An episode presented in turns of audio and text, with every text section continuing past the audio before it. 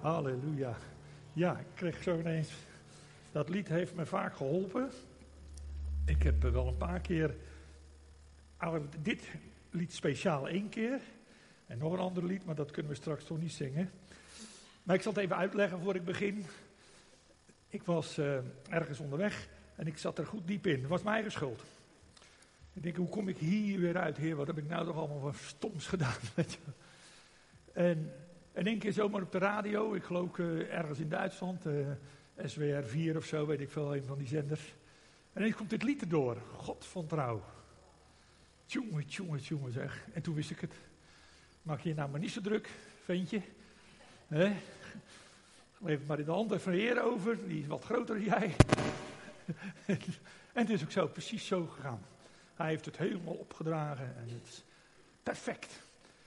Andere keer, en dat is, dat is ook wel grappig, die radio doet wat kennelijk bij me. Ik was een keer naar een dienst in Frankrijk. En ja, heel enthousiast, want je wil dat het evangelie in Frankrijk, uh, ja, laten we zeggen, ontwikkelt. U weet natuurlijk, de geschiedenis van Commissie is natuurlijk in Frankrijk geboren. Daar komt ook de naam vandaan, of enzovoort, enzovoort, enzovoort. Dat zijn mijn ouders natuurlijk tot geloof gekomen. Nou, goed, lang verhaal kort te maken. Ik zit daar en in een heel klein gemeentetje. Vreselijke aardige mensen man of 20, 25 in Toul. En, uh, dus ik praat nou, nou ja, die, die, man die doet de zang, die doet alles. En met zijn kinderen spelen piano, zijn vrouw doet ook wat. En zijn andere kind die zit zo te slapen lekker bij de vrouw op schoot. Zo tijdens de dienst, want hij preekte natuurlijk aardig lang. Twee uur dienst, waar hij alles moest doen zelf. Hè. En... Uh, dus ik ga naar de eind van de dienst naartoe. Hallo, fijne kennismaking. Ik ben uh, monsieur van de Dussen en zo enzovoort. Beetje aan de praten. En hoe lang werkt u? Ik dacht, nou, uh, ja, al uh, twintig jaar. En, en wat Oh ja. Hij zegt, nou kan ik u ergens mee helpen? Ja, zegt hij. ik ga zaterdag op de markt en dan predik ik het evangelie op de markt. Oké. Okay. als u de zaterdags bent, dan kunt u mee. Ik zeg, nou, dat is fijn. En hoe lang doet hij dat al? Nou, veertien jaar. En hoeveel zielen? Nul. Snap je? Dus ik ik kon hem wel knuffelen, die man, van zijn ijver en zijn liefde en een gezinnetje, prachtgezinnetje. En daar twintig jaar aan de arbeid met nul zielen. En dan ging hij naar huis natuurlijk. Ik denk, zo gaat het niet worden. Zo gaat Frankrijk niet gered worden. Dat krijgt die man niet voor elkaar, zijn filosofie niet voor elkaar, zijn middelen niet voor elkaar. Nou, ik was dus een soort depressie nabij over het gevoel voor Frankrijk, zeg maar. En dan rijd ik in mijn, in mijn jeepje gewoon zo lekker eh, door de bossen heen. Zo, dat ik ineens die radio. En dat echt, geloof me, in Frankrijk komt dat soort dingen, liederen echt niet zomaar op je radio. Maar in één keer, ik weet niet welke zender, ik weet het echt niet meer. Terwijl ik met mijn soort tranen in dat, in dat soort eh, weggetje. En ineens dat prachtige lied van Mahalia Jackson werd gezongen. Mahalia. He has the whole world in his hand. Zo zeg, dat kwam binnen, lieve mensen. He has the whole world. Dat is Mahalia Jackson dat zingt. Nou, dan trilt en vloer. dat is zo geweldig. Ja, he has the whole world in his hand. Hé, hey, klein ventje, ik heb het in de hand, joh. Doe nou maar gewoon. Hij was ik getroost.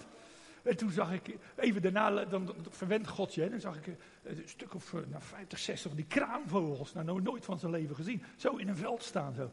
Waren even geland daar. Waarom weet ik ook niet. Oh, wat mooi, wat mooi. Dank u, dank u, dank u weer.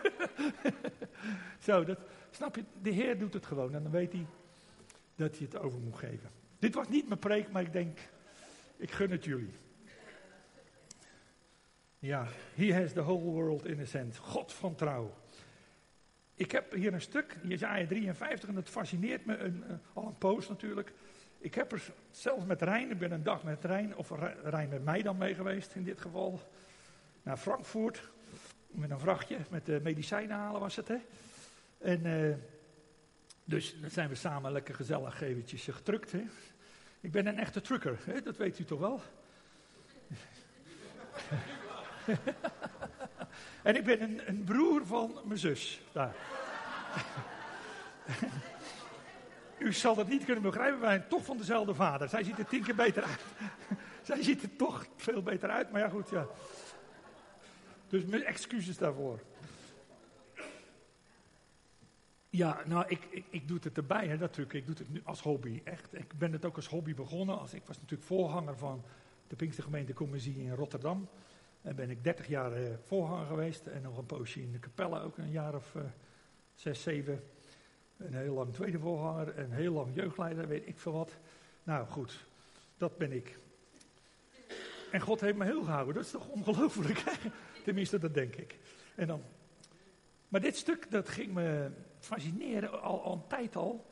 Jezaja 53 kent u allemaal heel goed. Natuurlijk over zijn stream. ik zeg, hoe kan dit nou, dit stuk? Laten we even een stukje lezen en dan ga ik er verder op uit. Ik doe het bij eh, de Bijbel van mijn moeder, niet omdat die heiliger is dan mijn, maar die oude vertaling vind ik wel, eh, die, drukt dit wel lekker sterk uit. Wie gelooft wat wij gehoord hebben? En aan wie is de arm des Heren geopenbaard? Want als een lot schoot hij op voor zijn aangezicht. En als een wortel uit dorre aarde. Even dit, deze twee al. Dus een loodje, een heel klein zaadje. En er komt zo'n heel klein twijgje, weet je, dat weet u natuurlijk wel. En dat betekent natuurlijk niks, een twijgje zo. Uit dorre aarde. Dus het kerstverhaal ziet u hier natuurlijk in. De mensheid, vertegenwoordigd door Maria. En dan komt er een, een zaadje van Gods aangezicht vandaan, wordt er in een mens geplant, de mensheid. En er komt daar een, een baby uit. Stelt helemaal niks voor. Voor de engelen wel. Want ze hebben nergens zo gezongen als toen hij geboren werd. Ere zij God in de ogen. Dus hun zagen het wel. Van die kant uit werd het wel begrepen, dat kleine loodje. Wat helemaal niks voorstelde, wat je zo zou kunnen vertrappen. Ere zij God. Zo nodig voor zo'n klein baby, zo'n uh, mega engelen. Ik heb het verder nergens gelezen. Ja, dan bij Elia, weet je wel, dat, hij omsingeld werd. Die, die vurige wagens en zo zag. Gelukkig. Dan gaan we verder. Dus het verschil, dus dat werd er een, een lood van de hemel, zo moet je het wel zien. Een zaad van de hemel werd in de mensheid op dorre, dorre aarde geplant. En dat is de wereld. Die is dor geworden van geen voeding en voedsel meer van de levende God. Gewoon alleen maar via de normale ingelegde natuur. Uit dorre aarde. Het had gestalte nog luister. Dat wij hem zouden hebben aangezien. Nog gedaante dat wij hem zouden hebben begeerd. Dus hij viel niet op. In de andere vertaling staat er, de nieuwe vertaling moet u maar eens lezen, dat echt ja, smeuiger moet ik zeggen. Ik heb hem bij me, maar ik ga voor de tijd dat niet lezen. Veracht van mensen verlaten. Een man van smarten en vertrouwd met ziektes. Dus zo gezond was hij dan ook niet. Ja, als iemand voor wie het gelaat verbergt, en dan zien we natuurlijk wanneer hij daar loopt via, de via Dolorosa. Hij was veracht en wij hebben hem niet geacht. Even tot zover. Die profetie, die fascineert mij, omdat de details die hierin beschreven staan, als u het verder helemaal leest nog, die zijn, die zijn buitengewoon. Hè? Dus hoe kan iemand van 700 jaar daarvoor, tussen de 600 en de 700 jaar ligt het ongeveer, dat dit geschreven werd voordat Christus geboren werd? En zeker voordat hij leed. En dan zie je hier, en nogthans, hè, als we dat verder lezen, komen we straks wel toe. Dan zie je de, hoe kan hij dat nou weten? Hoe kan hij nou, krijgt hij dat ingeving? Heeft hij dat moeten schrijven? Wat is dat in details? Ja, en zijn graf bij, bij de rijken. Hij is dood geweest, maar hij erft toch de, de werelden, hè, staat er dan daarna weer. Hoe kan iemand dit nou opschrijven? Die moet totaal niet geweten hebben wat hij schreef. Of heeft hij het wel geweten, heeft hij iets gezien? Dat denk ik dat er aan de hand is. Zo verklaar ik in mijn eenvoudige hersentjes profetie. Kijk, nog even terug, houd dit even vast. Ik heb een kennis, heel goede kennis. En die is getrouwd met een vriendin van ons. En die heeft een dochter. Ja, dan ga ik nog verder. En niet een hond hoor, maar gewoon een dochter. En die dochter, die heeft een vriend. Die dochter is al hooggeleerd. En die vriend is nog hooggeleerder en die is uitgekozen om in een team te komen waar ze het zwarte gat moeten gaan, of de zwarte gaten gaan moeten bestuderen. De zwarte gaten. U hebt er ooit wel eens van gehoord. Nou, die gaan ze echt bestuderen. De natuurkunde gaat bestuderen wat een zwarte gat is. Waarom is dat zo interessant? Omdat alle wetten die wij gedacht hebben menen te kennen, de natuurwetten dus, praat ik dan even over, dus dat iets naar beneden valt, en u kent dat wel, en dat je, en dat je tijd bestaat, dat die in dat zwarte gat zijn die wetten anders. Dus dat kan dus eigenlijk niet. Een wet kan nooit tegenstrijdig zijn. Natuurwet is natuurwet. Toch is het zo dat daar geen tijd bestaat. In dat zwarte gat is het tijdloos. Moet u daar eens even over nadenken. Dus in de schepping van God, Einstein zei het al, tijd is relatief, hè? met dat treintje en zo. Maar het bestaat dus in de natuur, dus wat we kunnen meten en voelen, bestaat er een omgeving waar geen tijd bestaat. Hoe kan dat nou? Ja, dat kan. En daarom moeten ze het onderzoeken. Hè? Want dan gaan alle natuurwetten moeten zich daar aan gaan zitten hangen. He, dan komt er nog een keer de zwaartekracht, u weet het wel, uh, G is uh, A kwadraat, dus, uh, de, of M, maximaal versnelling. Dus, en die versnelling, om even te dat is AT kwadraat. A, dat is het, het, het, element, en twee keer maal de tijd in het kwadraat. Dus in heel de natuur zit de berekening van de tijd. Elke formule. U er is geen massa zonder tijd. Of dus juist overdreven massa zonder tijd, laten we het zo stellen. Begrijp u hem? Nee, hè? Waarom zeg ik dit?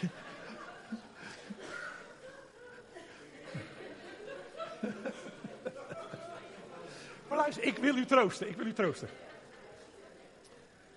Ik ben 30 jaar voorhanger en ik heb aardig wat gepreekt. En het is altijd maar de helft die het begrijpt. Dus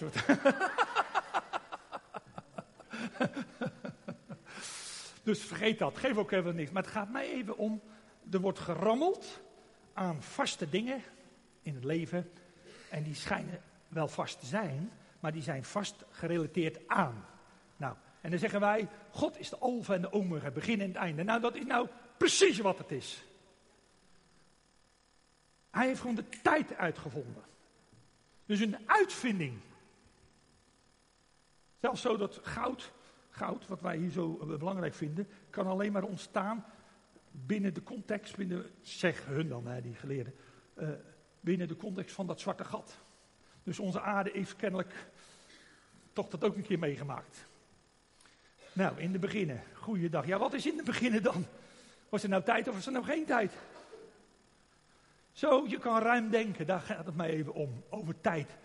Ja, zo lang geleden, ja, ja, maar nou vinden ze uit dat tijd relatief is aan alle kanten. Zo, je kan, die lineaal die klopt niet. Die klopt misschien wel, maar binnen een bepaalde context waar wij leven. Halleluja, gelukkig, want ik word, het er ook anders een uh, soort van... Uh, ik, kan de, ik kan niet buiten tijd denken. He, zeg, gelukkig, zegt Paulus, dat wij kinderen deze eeuw zijn. Nou, halle, dankjewel Paulus, want anders werd het wel heel ingewikkeld. Maar de feiten zijn wel zo. Ook de natuurkundige feiten, en dat wil ik even zeggen. Dus u bent niet zo gek als dat u denkt. En, en, en dan pak ik weer die profetie. Zo, het kan dus heel goed zijn dat het al geweest is. In de tijdloosheid, nou of u naar voren of naar achter schuift, dat is natuurlijk zo wat. Dat maakt niks uit. Dus hij heeft het gezien. Hij heeft het allemaal gezien en heeft het keurig kunnen opschrijven. Halleluja. Vandaar zijn detail. Zijn immense detail. Dat is wat ik geloof. Vergeet het, maar het gaat er even om. De kracht van deze profetie is echt verre van normaal. Verre van normaal. En van mij mag iemand daar een keer wetenschap op bedrijven. Meen ik echt. In de letter. Hoe kan dit gebeuren? Dat het zo gedetailleerd neergeschreven is wat hier staat. Dan moet er een autoriteit achter zitten. Want dit is een waarheid dan natuurlijk. Die, die, en die autoriteit zou ik ook vanmorgen ons eigen willen maken. Wat hier staat. Halleluja, halleluja. In het begin. Laat zitten. Blijf gewoon vandaag gewoon in de tijd. Straks de dienst toch gewoon afgelopen. en kunt u een bak koffie gaan drinken en alles. Maar we zijn wel een onderdeel van die fascinerende schepping, waar dit allemaal gewoon voorkomt. En dat is wel fascinerend, hè? Dus het kan allemaal wel. We zijn onderdeel wat er meer dimensies bestaan. Daar zijn we onderdeel van. Ja, die zien dat is wat anders. En dan die domme rikken die denken, nou, dat bestaat niet, want bla bla bla. Ja, tuurlijk. Wees maar lekker slim, ga maar niet verder studeren. Maar als je echt studeert, dan kom je hierop uit. Dan kom je hier gewoon altijd op uit.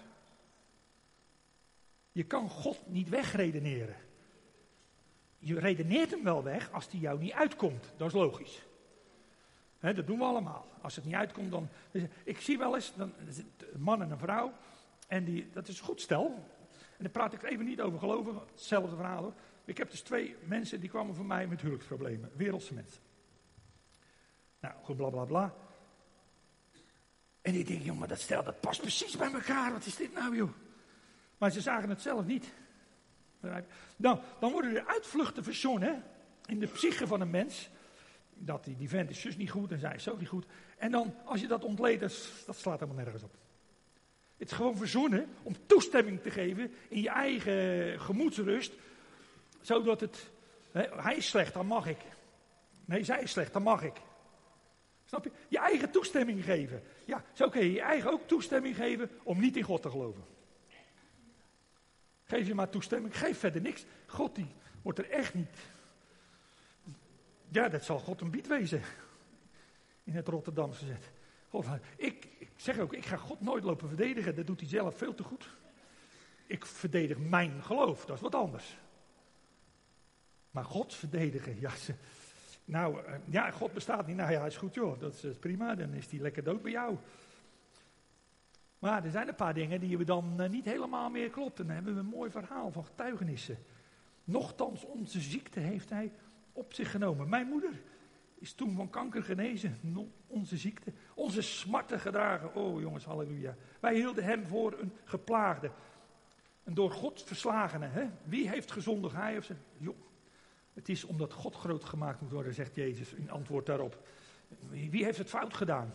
Wij zoeken graag fouten, dat is ook lekker ook. Want dan is ons schuldgevoel ook weer lekker een beetje, een beetje de goede kant op. En, eh, en dan snap je wel al die... Het is echt comedie, hè, ons schuldgevoel. Ik, ik ga niet vragen wie hier schuldgevoel heeft, want iedereen heeft schuldgevoel. En dan moeten we mee leren dealen. Dat meen ik echt, het gaat tegen je natuur in. Het wordt bovennatuurlijk als God je verlost van je schuldgevoel. Echt, hè? En dan moet hij je van verlossen. Kijk, dat kleed van Petrus, even nou, dan kom naar beneden. Weet u wel, met die tuitjes. En dan moest hij naar Cornelius. Hè? Kent u dat nog? Nou, oké. Okay. Daar zitten allemaal vieze dieren in, bla bla bla. En dan zegt die stem uit de hemel zegt tegen hem: Eet. Zegt Peter: Ja, nooit van mijn leven niet. Ik ga een beetje onreine dieren eten. Als echte Jood. Dat ga ik niet doen.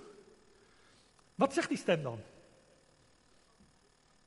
Ja, precies. Wat ik heilig verklaard heb, zult gij niet voor onrein houden. Halleluja. Bent met mij samen rein verklaard. Halleluja. Nou hebben we hier Rijn zitten, en die weet dat. Rein verklaard en gij zult het niet. Dus de identiteit en de waarheid in jouw gevoel, in jouw denken, dat is niet de goede waarheid. De echte waarheid is aan de ene kant geen tijd bestaat hier en daar. Nou, daar zat je al moeilijk mee. Maar ook over jezelf. Mijn vader altijd een soort gevleugelde uitspraak, vergeet hem nooit meer. Zegt, je bent wie Christus zegt dat je bent. Dan heb je een identiteit die tenminste een goede referentie is. Want wij zijn zwalkend. Helemaal, dan vandaag zus, dan weer zo. Ik heb grote mond hè, hier. Maar als ik ineens hoofdpijn vind, oh, wat ben ik dan weer zielig. Uh, oh, ik ben zeer liefdevol. Zeer, oh, ik vergeef mensen. Totdat ze me de dochter hier beet pakken voor het podium. En ze me een, een, een revolvertje geven. Pang, pang, pang doe ik dan. Zo lief ben ik. Begrijp u? Wat ben ik? Heer, als u wil dat ik kind van God ben, dat ben ik dus niet, want ik ben een uh, hopeloze, natuurlijk uh, door zonde gevallen, uh, helemaal verminkte genetische toestanden. Ik word ziek en misschien als ik oud ben helemaal foute boel. En zo, dat lijf van mij, dat is gewoon een, een normaal lijf. Dat wordt hoogstens 80, 90 misschien. En dan is het over, net zoals mijn familie. Dus daar hoor ik bij. Dus ja, dat is alles. Dus, Ho even, ho even van de dussen. Ho even. Ik heb iets in jou geplant. Dat twijgje, weet je nog? Het is gaan groeien. Halleluja. En ik, je heet nu kind van God. Oeh, daar moet ik even wennen. Zo, ik heet kind van God. En dat is je identiteit. Dus wij zijn een soort geschifte persoonlijkheden, zo weet je wat. Een dubbele persoonlijkheid zou je haast zeggen. En dat is precies wat Paulus probeert uit te leggen. Ik ellendig mens. Maar door wie zijn verlost? Gode zij dank door Jezus Christus. Oeh, halleluja. Oeh, moet je dat dan gewoon laten? Ja, dat moet je gewoon naast je neerleggen. Petrus, hè, die verraden Jezus, dat is een voorbeeldje hoor. Die verraden hem, hè, dat weet u wel. Die haan kraaide en dan ging die grote Peter, want denk erover dat het een mannetje was. Hè. Hij, eh, hij heeft op water gelopen, dat heb ik nog nooit gedurfd. Hè. Dus, eh, en ook niet gekund. Dus ik sta, geloofstechnisch gezien is Peter dus een man. Hè. Goeiedag, wat durfde die vent. Ja, natuurlijk werd hij ook bang. Hij spreekt het op een mens. En dan, maar Peter is een ventje, hè. Akelig hier en daar, altijd vooraan en altijd beter weten. Jezus noemde hem zelfs een keer uh, Satan. Ik ga achter mij Satan, zegt hij tegen Petrus. Petrus interesseerde niks, hij ging echt niet weg. Hij zei, Jezus, wel. Je zal zo beledigd worden in de gemeenteraad. Goeiedag. Nou, jij bent een Satan. Zo, ik zou, ik zou 24 uur aan één gehuild hebben. Nee, toch, heer. Oh, oh, erg, erg. Nou, Petrus zat daar niet mee op een of andere manier. Ik weet niet wat hij had. Nou, en dan ook nog verraden. Dan komt hij bij Jezus en die geneest hem pastoraal. Petrus, heb je me waarlijk lief? Ja, dat weet u toch wel, heer. Nou, drie keer, u kent dat wel, goed mijn kudde. En dan begint hij toch te huilen. Die Petrus die brak natuurlijk, en terecht, en logisch. Nou, hij huilde al zijn ellende en al zijn, al zijn mislukking en al zijn bla bla bla. Alles haalde hij eruit. En u weet toch, u kent mijn hart, heer, u weet toch. En dat was ook zo. Want daar ging het om, dat oprechte hart natuurlijk. Dat eerlijke hart van die Petrus. Ja, dat ze menselijke zwakte aan hem vast zaten, ja, dat was zo wat. Maar het ging om Petrus zelf. Petra werd hij genoemd. Terwijl het te verraden was. Nou, krijgt hij de Heilige Geest, diezelfde mispunt, zeg maar eventjes nou in mijn taal. En dan moet u die eerste preek van hem eens luisteren. In handelingen 2 en 3. Een grote bek heeft hij dan. U heeft hem gekruisigd en gedood. Praat hij ook tegen die volk. Die hebben alles gedaan en ze moeten zich bekeren. Hij, Petrus, zegt dat eventjes. Nul last van schuldgevoel. Er zit nog, maar, nog net zes weken tussen, hè? Zes weekjes. Die jankend genezen wordt. En dan staat hij met zijn grote mond. Ik vind het zo prachtig. Dan staat hij zo. Halleluja. U heeft hem gekruist. U heeft hem. Maar dan, nog is er, is er dus heil en is er genade. En dan vragen ze allemaal hem, hoe, hoe moeten wij gered worden? Nou, gaat en laat u dopen dan en dan worden er 5000 gered. U kent dat allemaal wel, de verhalen. Wat een opwekking. Nul schuldgevoel. Omdat hij wist hoe het zat. Petrus, heb je me waarlijk lief. Yes. Goed. Maar om onze overtredingen werd hij doorboord. En daar gaat het natuurlijk om, daar ligt het geheim. Om onze ongerechtigheden verbrijzeld. De straf die ons de vrede aanbrengt, was op hem. Door zijn striemen is ons genezing geworden. Daar wil ik weer even bij stilstaan. Waarschijnlijk komen we niet aan het eind van het hoofdstuk, maar goed. Door zijn striemen, dus dat is met die zweepslagen, hè, dat weet je wel, met die geestels, tak, tak, tak, is ons genezing geworden. Terwijl daarvoor al wordt ons heil is geregeld om onze treding doorboord. Ongerechtigheden werd hij verbrijzeld. De straf die ons de vrede aanbrengt. Dus eigenlijk waren we klaar. En hij ook. Dus Jezus had eigenlijk helemaal niet gegeesteld hoeven worden. Daarover nadenken. Dat vond ik zo apart. Waarom werd Jezus nou gegeesteld? Ja, dat weten we. Maar waarom nou? Voor een mens die toch sterft. Lazarus werd opgewekt, maar hij is maar één keer opgewekt. Snap je? Hij leeft niet meer. U wordt genezen. Dat vind ik zo apart. Dus even in de grote context dan, hè, wel van het vandaag en nu, natuurlijk doet het zeer wil je, begrijp me goed, hè? Maar ik wil het eventjes naar een hoger uh, denken dan even zetten, van de totaalheid voor het nut voor u en mijn leven, had hij niet gegezeld hoeven worden, want u was toch al gered. Uw zonden waren vergeven. U had zo de hemel, kunt u in, uw schuld is vrijgekocht, uit schuld gedragen. Nee, weet je, zegt Jezus, oh even, we gaan het anders doen. Hij is verliefd op u, ondanks dit in deze wereld. En dan kromt hij zijn rug en dan wordt hij toch geslagen. Zo gemeen, vals, goor. Ze hadden al die doornen kroon op zo. Vreselijk allemaal. Nou, u kent die films wel. Ah. Dus, dan kan je uit respect, meen ik echt, voor Jezus Christus, moet je niet zeggen dat genezing voor later was. Genezing is voor nu. Er is zo schandalig voor betaald. Gewoon als extra voor betaald. Waarom het zo betaald moet worden, geen enkel idee. Ik snap het verlossingsplan totaal niet, geloof me. Waarom er lijden is, dat is de grootste vraag van de wereld trouwens. Waarom is er lijden? Ik snap dat ook niet. Maar waarom moest Christus dan lijden? Ik snap het ook niet. Waarom moest God lijden dat hij de zoon afgetuigd zou worden? Ik snap het ook niet. Een of andere manier geeft lijden een dimensie aan dingen en een noodzaak aan het leven. Daar heb ik geen antwoord op.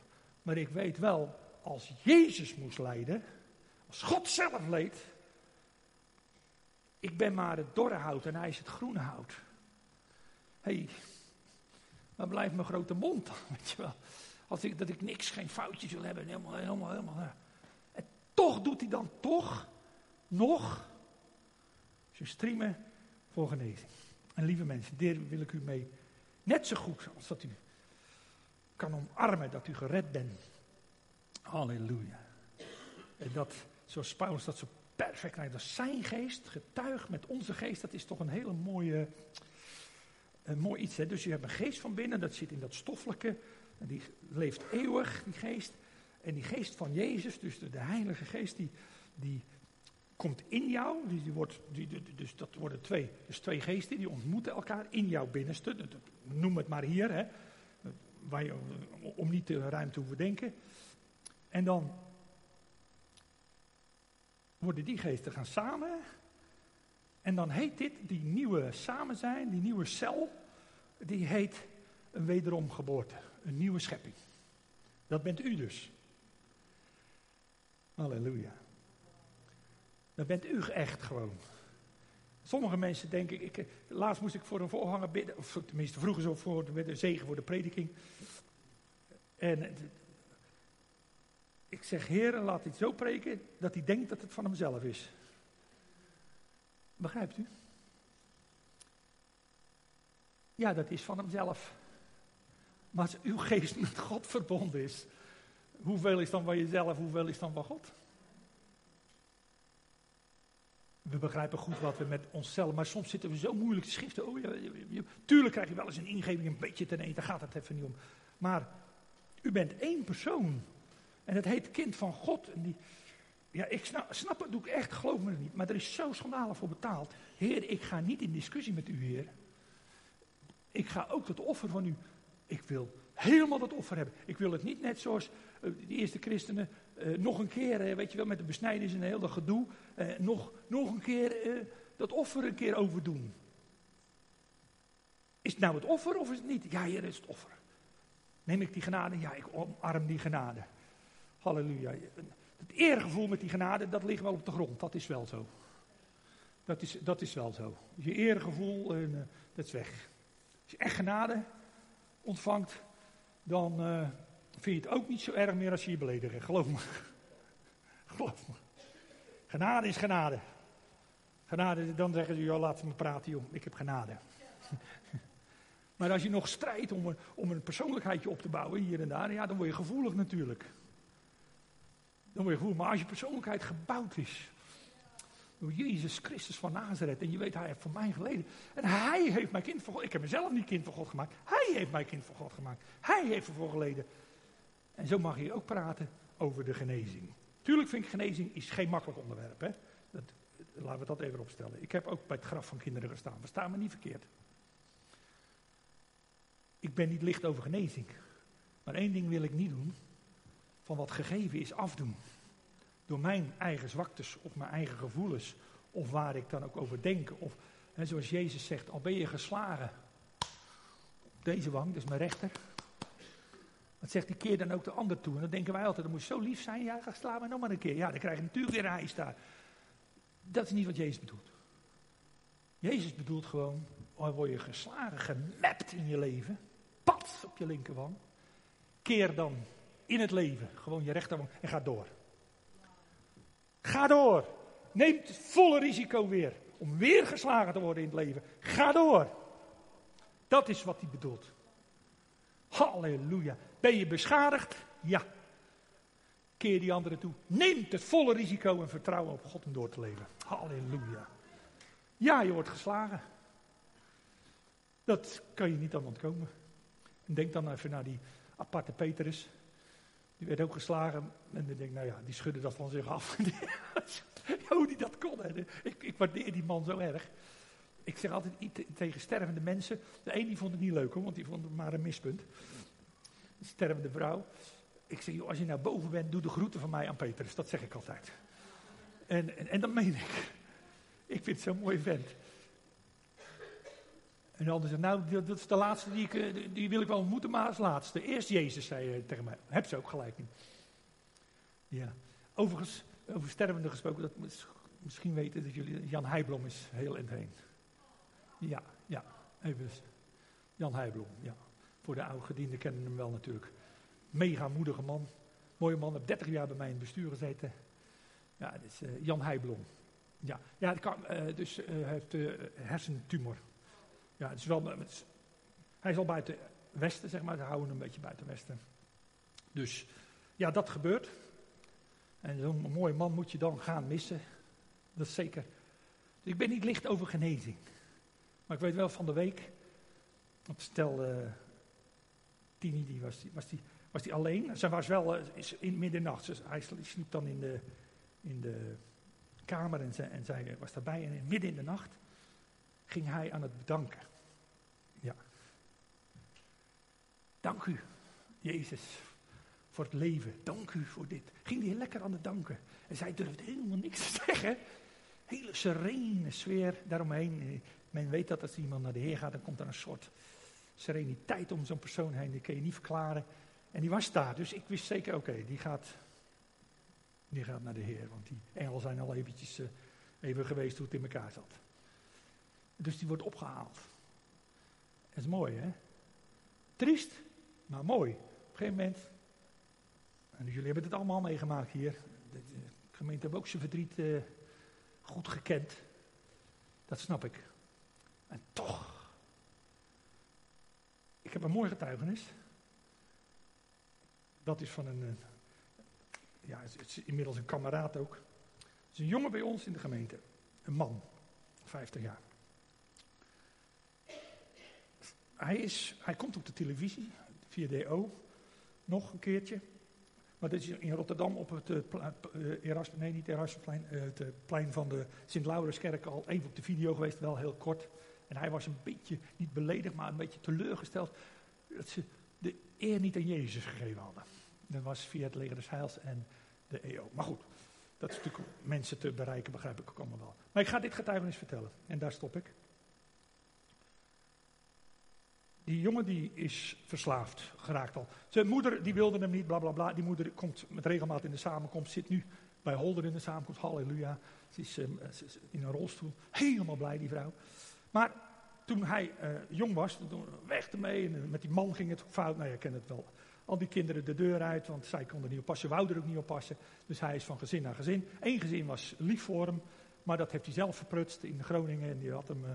opleiding gegeven voor uh, agrariër en alles. En die zag het helemaal zitten, die boer met hem, maar hij verprutst dat. Nou, hij gaat van de ene ellende naar de andere. Zwaar aan de drank, zwaar aan de cocaïne. veelal. Hele goede arbeider, nou is constructiewerker.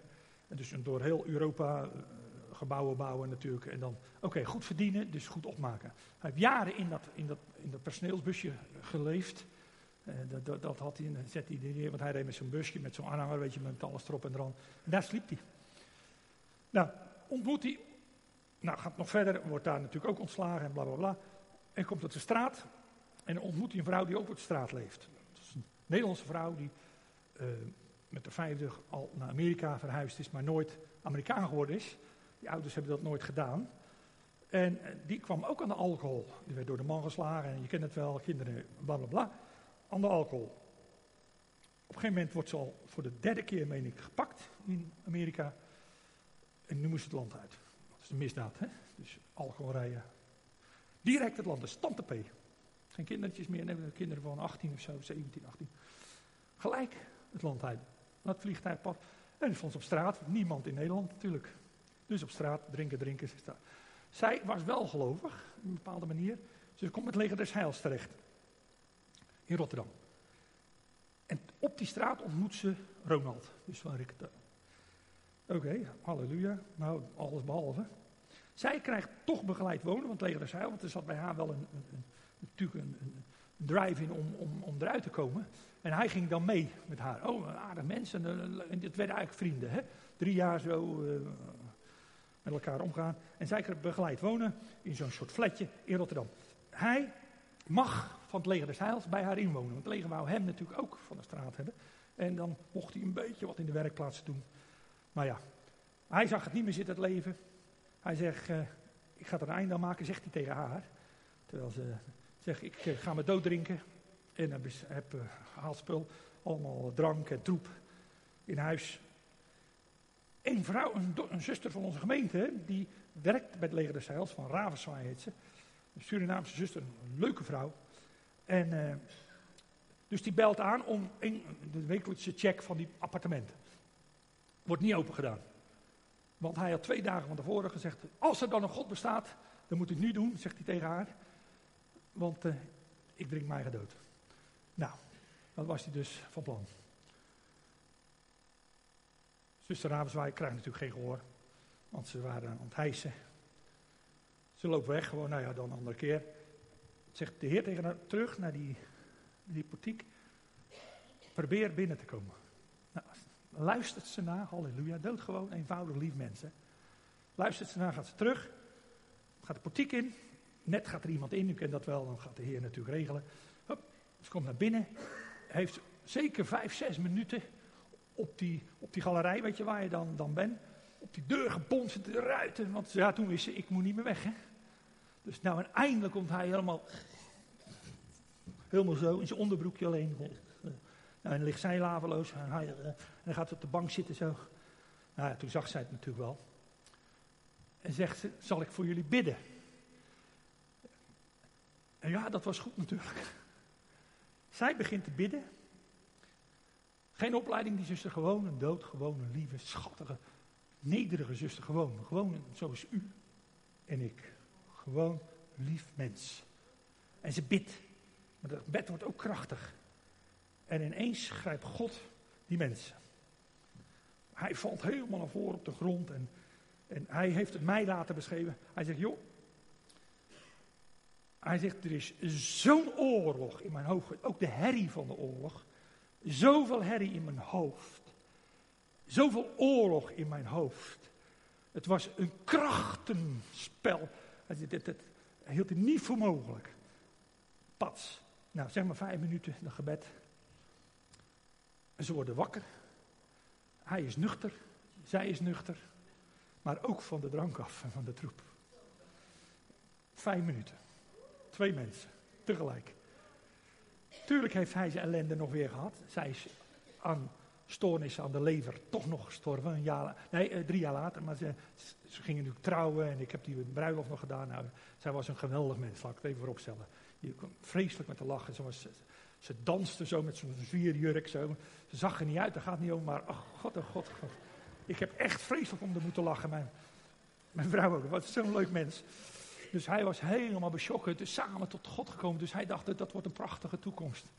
En hij wou een eigen zaak beginnen. Oké. Hij had het timmerwerk en het leger des en die hebben het hem echt geleerd, hebben alle cursussen gegeven, kreeg alles. Meubelmaker, alles, alles, alles. Zo. Jaren, hè? nu praat ik over jaren. Maar waarom zeg ik dit? Nu heeft hij een leuk, heel leuk eigen bedrijfje. Ik heb, hij, bij eh, Jan van der Dus, voor diegene, heeft hij, heb ik gezorgd voor een voor hem. Dus, eigenlijk, dus het is echt geweldig. geweldig. Al die machines staan daar en de toestanden. En hij verdient goed zijn brood. Maar dat is hij, was, was natuurlijk een beetje beledigd. Want hij is het soort wous van Jezus natuurlijk. Begrijp u? Hij dat is hij echt. En dan hoort hij wel het bla bla bla. En dan zegt hij wel eens tegen me: Cornelis, ze weten niet waar ze over praten. Waarom? Als je eenmaal die megakrachten van God ontmoet hebt. Als je die krachten van God ontmoet hebt. Door zijn streamen, en daar praten we dan over. Die krachten. Door zijn streamen is ons genezing geworden. Halleluja. Wanneer weet ik ook niet. Hoe weet ik ook niet. Dat is zo eenvoudig. Ik, dat, dat vrouwtje wou graag getuigenis laten geven. Een rare zuster en zo. Dus, ja, kom maar. Dan staat ze er heel keurig bij. Heel keurig. En je zou eens wat willen vertellen zo. Hè? Ja, ja, ja. Ja, uh, ja lieve broeders. Ja, ja, ik heb gebeden. Maar het was ik niet hoor. Het was God. Da dag. Oké. ja, hij vindt het zo mooi. Dat is zo verschrikkelijk mooi. Oh, halleluja, heren. Zulke dingen nog doet. Dus als iemand vraagt, moet ik voor je bidden? En wie het dan ook is, zeg ik altijd ja. oh, halleluja, halleluja. Jongen, jongen, wat toch goed. En daar zijn die streamen voor gegeven. Die mag je uitnutten. Heer, ik wil niks van uw werk afdoen. Helemaal niks. En moet ik mijn grote mond houden, dan ga ik dat proberen. Het zal niet meevallen, maar ga het proberen. Help me alsjeblieft. En zo is het toch. Moet ik de vernedering slikken? Ach, heren. Zal mij een biedwezen gaat. Eh, praten ze, zegt hij, verheugt u als ze allerlei lelijke dingen over je praten. Maar er staat dan wel liegen erbij, hè? Doet wel. Dat is toch wel prettig als dat erbij staat. Maar, maar, snap je? Weg ermee. Zeg je, hier, ik heb wel eens hele lelijke brieven gehad. Hè? Dus een voorgang krijgt soms hele aardige brieven. Hè? Ik heb al heel snel in de gaten gehad, ik moet ze niet lezen. Dus dat doe ik ook niet. Dan leg ik hem zo, het is echt meen ik, zo neer. En dan zeg ik, heer, alsjeblieft. Lees u maar lekker. ik wil hem niet weten. Ik wil onbevangen ten opzichte van die persoon zijn. En uh, ik overzie het niet. Heer, hier heb je het. En ik ga mezelf niet verdedigen ook. Alsjeblieft, heer. Hier ben ik. Wil u dat ik ga leiden? Dan moet dat dan maar. Maar je moet niet lijden omdat de duivel je een trap geeft. Hè? Dus dat, dat hoeft niet. Hè? Stop ik mee? Ja, ik praat altijd te lang. Maar goed, ik was een keer in het chalet. Mega, mega, mega, mega hoofdpijn. Met een groep, hè? Met een groep. Was een groep dus je kon, dat kon natuurlijk. Ik in die donkere kamer, twee dagen. Pillen natuurlijk, maar het hielp allemaal niks. Tweede dag, de nacht. Twee uur s'nachts. Ik kon toch niet slapen, dus ik eruit. En ik in die keuken daar. En ik werd ineens zo boos. En ik deed zozeer. Mijn handen omhoog. Door mijn pijngrenzen, alles heen. Ik zei, Satan. Je bent een, nou ja, dat zijn hele lelijke woorden zeg ik dan. Ik ga eventjes met jou een afspraak maken. Dus hoe meer pijn je doet, hoe meer ik de Heer gaat loven en prijzen. Dus dan weet je dat. En ik ben de Heer gaan loven en prijzen. De Heer gaan loven en prijzen. Ik ging dood van de pijn. ik viel haast, natuurlijk, dan word je meestelijk en, en duizelig en alles. Heer, u bent zo mooi, u bent zo groot, u bent de tofste. Oh, halleluja. Maar dat deed ik eigenlijk om die duivel een beetje te sarren. Halleluja, halleluja, halleluja, halleluja, Heer, halleluja. Halleluja. Ja, wat schets je verbazing. Natuurlijk trok het dan weg. Ik bedoel, je mag wel een keer boos worden op iemand waar je echt boos op mag worden. Maar niet op mensen. Dus ik zie wel frustratie van mensen, dat snap ik ook hoor, dat ken ik ook. Scheid dat van jezelf. Satan, als je nou niet gauw maakt dat je wegkomt, zijn de consequenties hoog. Halleluja, halleluja. Door zijn streamen. En niet om een grote bek te hebben, geloof me. Is ons leun, leun. Dat volbrachte werk van Jezus Christus. Amen. ja.